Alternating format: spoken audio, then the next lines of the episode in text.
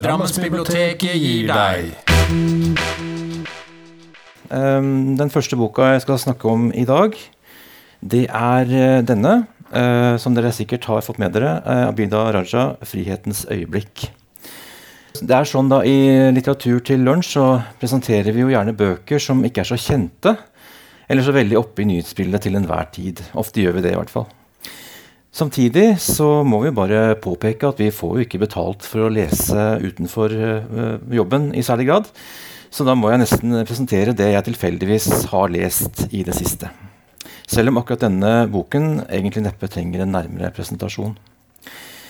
Når det er uh, sagt, så må det også sies at dette føles som en viktig leseopplevelse. Ikke først og fremst fordi uh, Håkon Høydal, som har skrevet boken, skriver teksten på vegne av Abida. Eh, han skriver ikke unormalt eh, godt, men han skriver flytende.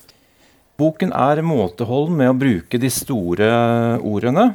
Og det skjellsettende i fortellingen blir formidlet med forholdsvis lite patos. Det som gjør den interessant, er heller ikke kun den åpenbare koblingen med broren Abid Rajas bok 'Min skyld', som det på sin side fortsatt er lange ventelister på her på biblioteket. Det som gjør denne boken til noe spesielt, er nettopp det at den formidler Abidas historie nøkternt og med mange og brede kilder, om enn ikke preget av utsagn fra dem som får beskyldninger mot seg i boken. Det er fint at den er skrevet slik, og ikke som en potensiell upålitelig selvbiografi. For meg virker det som om det er godt journalistisk håndverk som ligger til grunn og preger teksten fra start til slutt. Skjønt det er en krevende risikosport, det Høydal gjør i denne boken.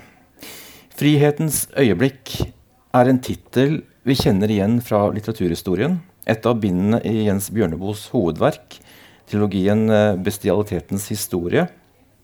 Og det er selvsagt ikke tilfeldig at den har fått den tittelen den har fått. Denne boken handler om det å bryte ut av strukturer der vold er et språk, der frykt og represalier er hverdag, noen vil si at den er forfattet i Bjørneboes ånd.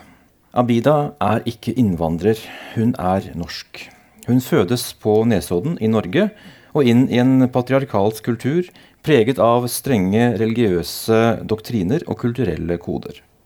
Hun er datter av en far som kom med den første bølgen av innvandrere fra Pakistan til Norge på begynnelsen av 70-tallet. Planen for han og for de fleste som kom, var ikke å bli værende i det kalde landet i nord, men å få et økonomisk fotfeste og reise tilbake igjen. Sånn ble det ikke i deres tilfelle. Familien ble i Norge. Boken beskriver hvordan Abida allerede som seksåring for første gang må forlate store deler av den nærmeste familien sin for å bo i Pakistan. I et samfunn som i boken blir beskrevet som preget av frykt og represalier og et strengt hierarki. Hun kommer hjem igjen til Norge noen år senere, da er hun tenåring, uten grunnlaget hun kunne ha trengt for å møte det norske samfunnet slik det var på slutten av 80-tallet. Som 18-åring forelsker hun seg og får seg kjæreste, noe som ikke blir tatt godt imot i familien. Det fører til at hun blir sendt til Pakistan for å gifte seg mot sin vilje, før hun igjen returnerer til Norge noen år senere, for der å begynne voksenlivet med en voldelig ektemann som både slår han, henne og barna.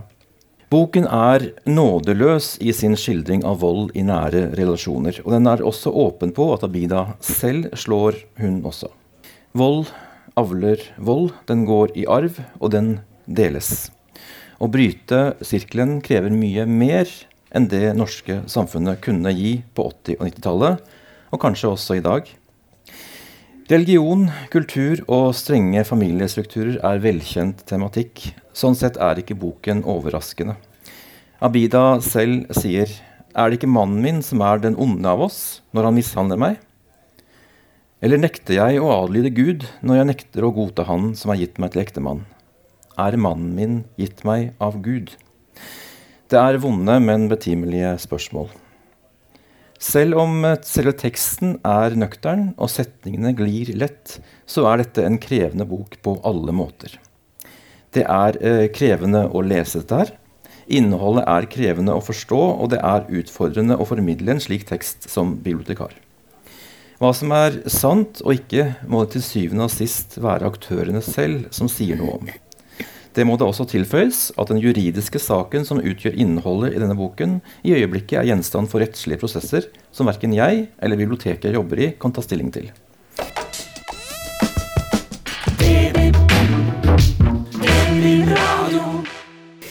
Patrick Modiano han fikk Nobelprisen i 2014. Og i denne usynlige blekk så er hovedpersonen Jean Og så veit jeg ikke helt hvordan jeg uttaler etternavnet. Aben, kanskje? Han er knapt 20 år når vi møter han. Da har han fått, fått seg jobb i Hyttes byrå.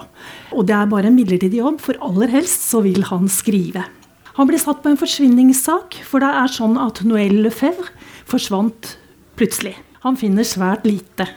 Men likevel, Jean greier ikke å slutte å tenke på, på, gåten. Og han har en liste med navn som kjente Noël. Og han har også Noëls avtalebok med den hemmelighetsfulle setningen 'Hvis jeg bare hadde visst'. Men alle spor renner ut i sanda. Ti år seinere så finner han faktisk nye spor etter denne Noël. Glemsel og erindringer det vaser i hverandre. Han har en liste med navn over folk som kjente henne. Og han får også en av kollegene hennes i butikken hun arbeida, i tale. Og kollegaen er helt sikker på at Noëlle må være død. Kan man stole på vitner, da? For hvordan er det med vitner og hukommelse? Man må aldri feste lit til vitner, erfarer han. De bidrar ofte til å øke støyen og forvirringen. Og hvordan skille sant fra usant? Ta all ufrivillig glemsel med i betraktningen. Men han klarer ikke å slippe saken. Han får vite at hun kommer fra samme landsby som han selv.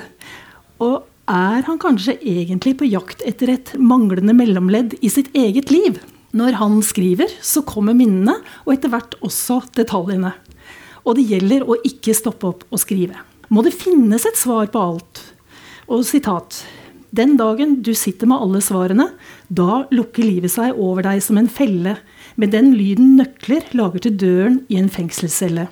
Ville det ikke være bedre å la noen rivningstomter bli stående åpne omkring deg, der det kunne gå an å stikke seg unna? Sitat slutt. Jeg syns det er så fint formulert, jeg, da. Så går det enda et stykke tid, så 30 år etterpå, faktisk, så finner han enda flere spor, og han finner Noel i Roma.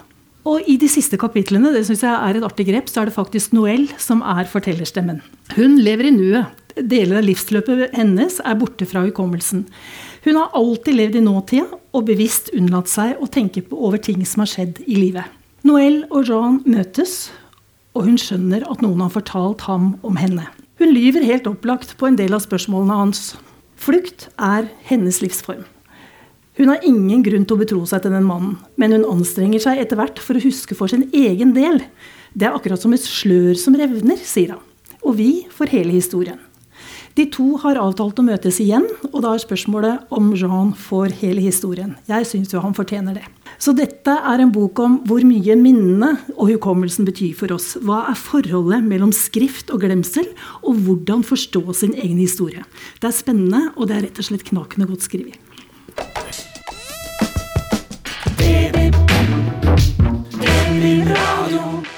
Ja, da skal jeg snakke om denne boken her, eh, som er skrevet av Caroline Tromp. 'Kulturkrig, det ytre høyre og normaliseringen av det ekstreme'. En eh, ting som slår meg når jeg ser gjennom bunken av bøker til litteratur i lunsj i dag, som jeg skal presentere, så er det at alle sammen er skrevet av journalister. En av de yrkesgruppene som er mest utskjelt og forhatt, skal man tro undersøkelser som måler sånt. da. Kanskje ikke så rart, egentlig, når man ser alt det overfladiske røret som er publisert i riksavisene for å treffe de laveste instinktene våre. Også mine, må jeg innrømme. Men det fins altså en mengde lysende god journalistikk der ute, og mye av det finner man eh, i, eh, ikke på klikkbare saker på nettet, men i, i bokform. da. Og Sånn sett så føles det litt sånn paradoksalt å lese Caroline Trump sin grundige og omfattende bok, som er et lysende eksempel på en journalistisk tilnærming til komplekse fenomener. Uh, og det det handler om her, da, det er det ytre høyre, altså uh, alle disse uh, alt-right-bevegelsene som har kommet til i den vestlige verden da, fra 2010 og, og utover. det må også sies at det er en, en begredelig fortelling om ekstremisme som går veien fra de politiske kottene på internetts utkanter til å bli et uh, ganske så normalisert fenomen i åpent dagslys i dag. Da. Det hele ble endog eh, kronet med presidentembetet i USA, verdens mektigste militærnasjon, da Donald Trump inntok Det hvite hus i fire år. Kulturkrig tar for seg ulike aspekter ved det nye ytre høyre som steg fram på det tidlige 2010-tallet.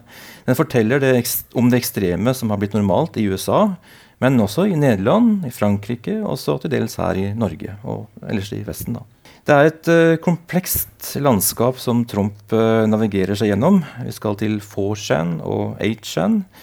Nettsteder der brukerne overgår hverandre i beksvart humor, og der det er vanskelig å skille mellom det som bare er en slags form for umoden uh, tullball, og det som er ektefølte politiske ytringer preget av rasisme, kvinnehat og et totalitært verdensbilde. Men det handler også om opposisjon mot samfunnets normer. Unge mennesker, for det meste gutter. Eh, Trump eh, viser oss også hvordan understrømmene her kommer til overflaten gjennom medier som Breitbart og Fox News.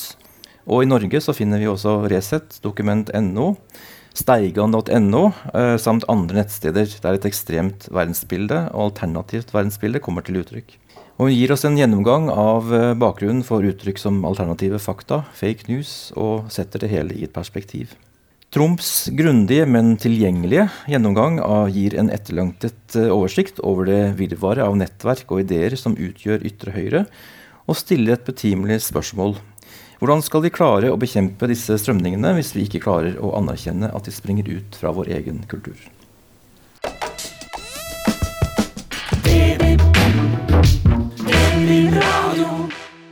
Egentlig så er det kjempebarnslig, men den neste boka det er uh, Katie Kitamura som har skrevet.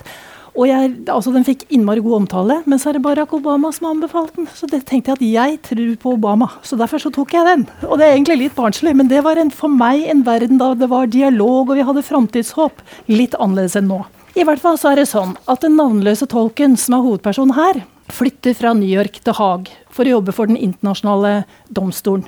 Eh, hun jobber med språkene engelsk, japansk og fransk. Og tolken skal jo gjøre avstand mellom språkene minst mulig. Og den som behersker språk, har makt og kan manipulere. Vi får høre om tolkers ansvar og rolle i rettssalen. De kan faktisk påvirke utfallet i straffesakene. Språklig presisjon er ikke nok. Hun er bare et instrument. Og det er til tider svært utfordrende følelsesmessig. Hun får bl.a. i oppdrag å tolke en islamistisk leder som er tiltalt for grove forbrytelser. Og for henne så blir det det første møtet med det onde, og det påvirker henne veldig, veldig. Etter hvert da, så flyttes tolken til en ny sak. Da skal hun ta over som tolk for eh, et tidligere statsoverhode. Det er snakk om krigsforbrytelser, forferdelige gjerninger og et politisk drama. Og vi blir med i domstolen og spiller der, for det er faktisk et spill òg, altså. Hun har eh, direktemøte med presidenten og forsvarsteamet hans, og presidenten er pompøs og meget misfornøyd. Forsvarsadvokatens atferd i rettssalen er et skue i seg sjøl. Han har nemlig som mål å normalisere den tiltalte og få han til å framstå som et menneske som alle oss andre. En som vi ikke trenger å beskytte oss mot. Tolken merker seg også ekspresidentens eh, opptreden. Hvor beregnende og manipulerende er han egentlig?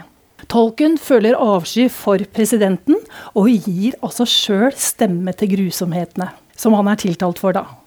Gjennom språket så oppstår det likevel en intimitet mellom presidenten og tolken. En intimitet han bruker i et forsøk på å gjøre henne til sin fortrolige.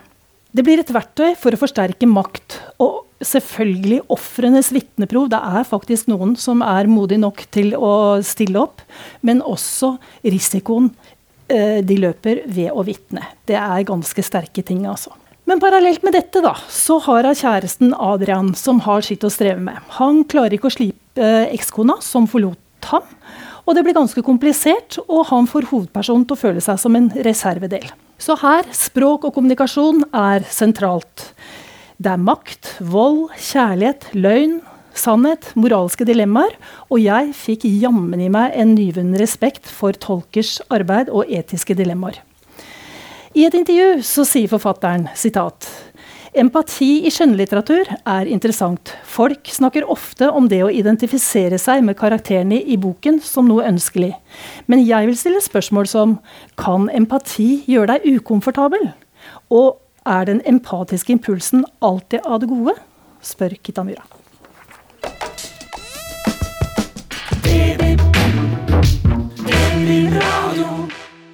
Det er um, denne boken, Putins Russia, The, the Rise of, of, of, a Dictator. Um, så det er bare sånn kosebøker fra meg i dag. Uh, når noe skjer i verden, så er vi jo mange blant oss som gjerne vil vite litt mer. Få ting systematisert. Prøve å forstå det grunnleggende. Hvordan havnet vi her? Hva har egentlig skjedd? Hvem er hovedpersonene? Og hvilke motiver har de for å handle som de gjør? For dette formålet vil jeg si at uh, tegneseriemediet er undervurdert.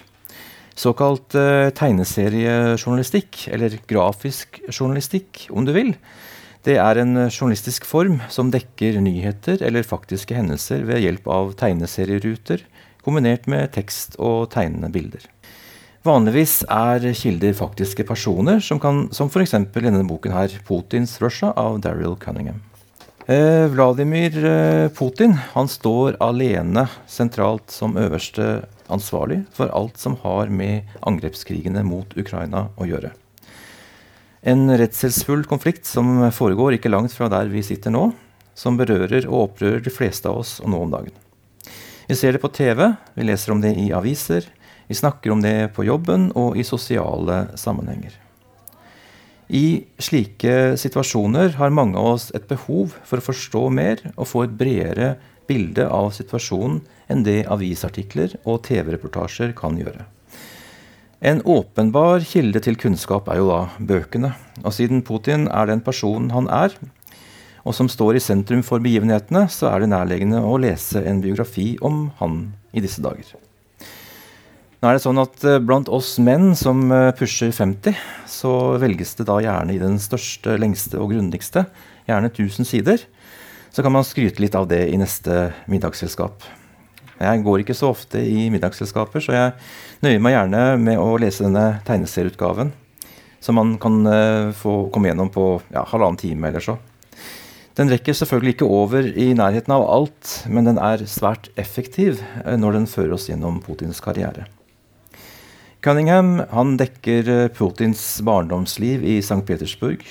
Guider oss eh, gjennom hans arbeid med KGB, hans politiske karriere, drapene på politiske motstandere og krigene med Tsjetsjenia, Krim og Ukraina. Vi er innom forgiftningen av den tidligere ukrainske presidenten Viktor Lukasjenko, Trumps bifall av Putins annektering av Krim i 2014, den malaysiske flyulykken, eller var det det, over Ukraina og konflikten mellom ukrainske soldater og russiskstøttede separatister som førte til dagens invasjonskrig. Dette er effektiv visuell journalistisk historiefortelling. Og den framstår på ingen måte som nøytral. Putins Russia går ikke inn i detaljene i mannens liv, men tegner opp et overordnet bilde av en systematisk byråkrat som jobber seg oppover i systemet får tilgang til presidentembetet og sakte, men sikkert endrer karakter til å bli en fryktet diktator med sykelige vrangforestillinger om egen storhet og betydning. En gangster. Dette er ikke et detaljert psykologisk portrett av Vladimir Putin. I store deler av boken er Putin en bakgrunnsaktør, mens teksten i stedet fremhever noen av de mer kjente ofrene hans. Det er en tegneserie som må avgi av det, noe av tekstlige detaljer, men det tar den igjen i illustrasjonene. Et eksempel er der en oligark uh, er tegnet med et vinglass som tegnes urealistisk stort for å illustrere grådighet. Bildet av en lunge som illustrerer covid-19 osv. Tegningene er enkle, men effektive, og de fungerer veldig godt for å eh, fremstille eh, denne manns liv og virke. Putins Russia er skrevet og tegnet rett før krigen mot Ukraina. Der boken på siste side holder en kort, men flammende appell mot korrupsjon, diktatur og antidemokratiske tendenser, så er den nær sagt profetisk. Putins Russia, The Rise of a Dictator, kan leses eh, som den er, en kort og konsis politisk biografi, eller som lettlest grunnlag for videre lesning og forståelse av Putin, Russland og begivenhetene som preger nyhetsbildet om dagen. Daryl Cunningham er forfatter og tegner, og har skrevet både bøker og laget tegneserier. Han er kjent for sin økonomiske strek og fortellinger preget av klarspråk og utmerket research.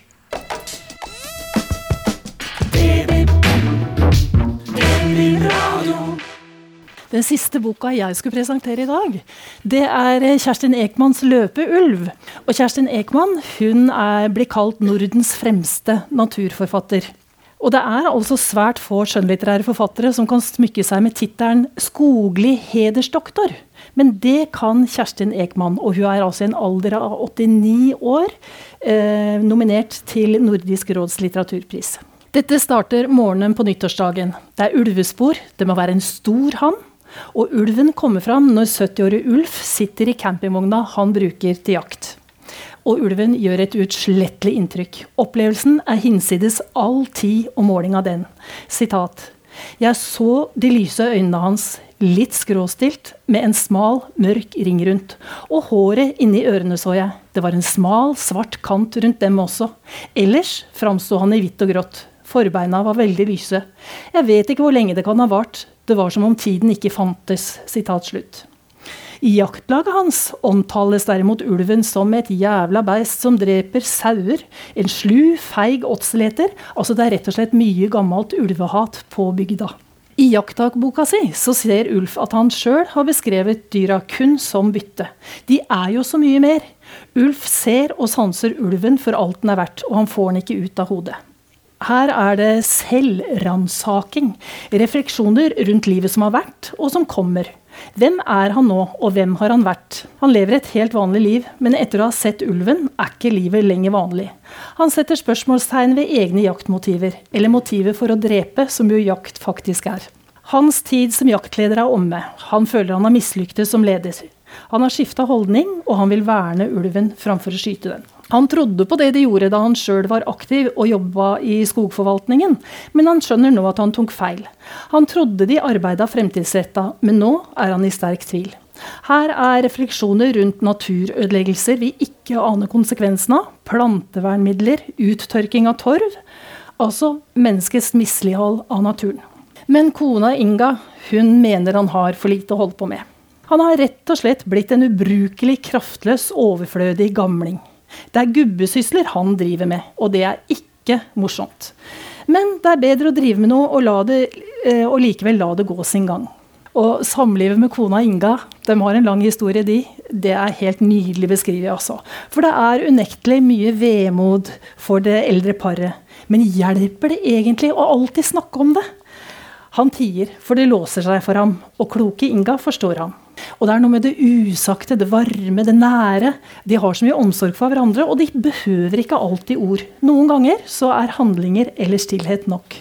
Etter lang tid forteller han Inga om ulven og inntrykket den gjorde på ham. Han hadde vært med på noe han ikke lenge hadde ord for, og han føler at de to aldri har vært så nær hverandre. Men så Campingvogna som han bruker, eller har brukt, da, til jakt, den er brent ned, og brannen er helt opplagt påsatt. Han melder det til politiet, men han syns det er ganske ubehagelig, for eh, det er små forhold på bygda. Politiet fant dyreknokler i den nedbrente campingvogna, og de må være etter ulv. Og han bare veit, han er helt sikker på at det er hans ulv, ulven med stor U. Og det viser seg at ulven har blitt jagd med scooter og slått i hjel med isbor. Og han skjønner hvem som har gjort det, men han sier ikke noe til politiet. Så langt ute i romanen så dukker det altså opp ei krimgåte òg. Her er naturskildringer, respekt for dyr og natur, klima og miljø, forholdet mellom mennesker, dyr og natur. Og det levner altså ikke oss mennesker stor ære med tanke på alt vi er i ferd med å miste. Men så er det også den gode stillheten i skogen. Det er lys, det er lukter, det er stemninger. Det er veldig sanselig. Men også tap, alderdom og svekkelse og stor, moden kjærlighet. Takk.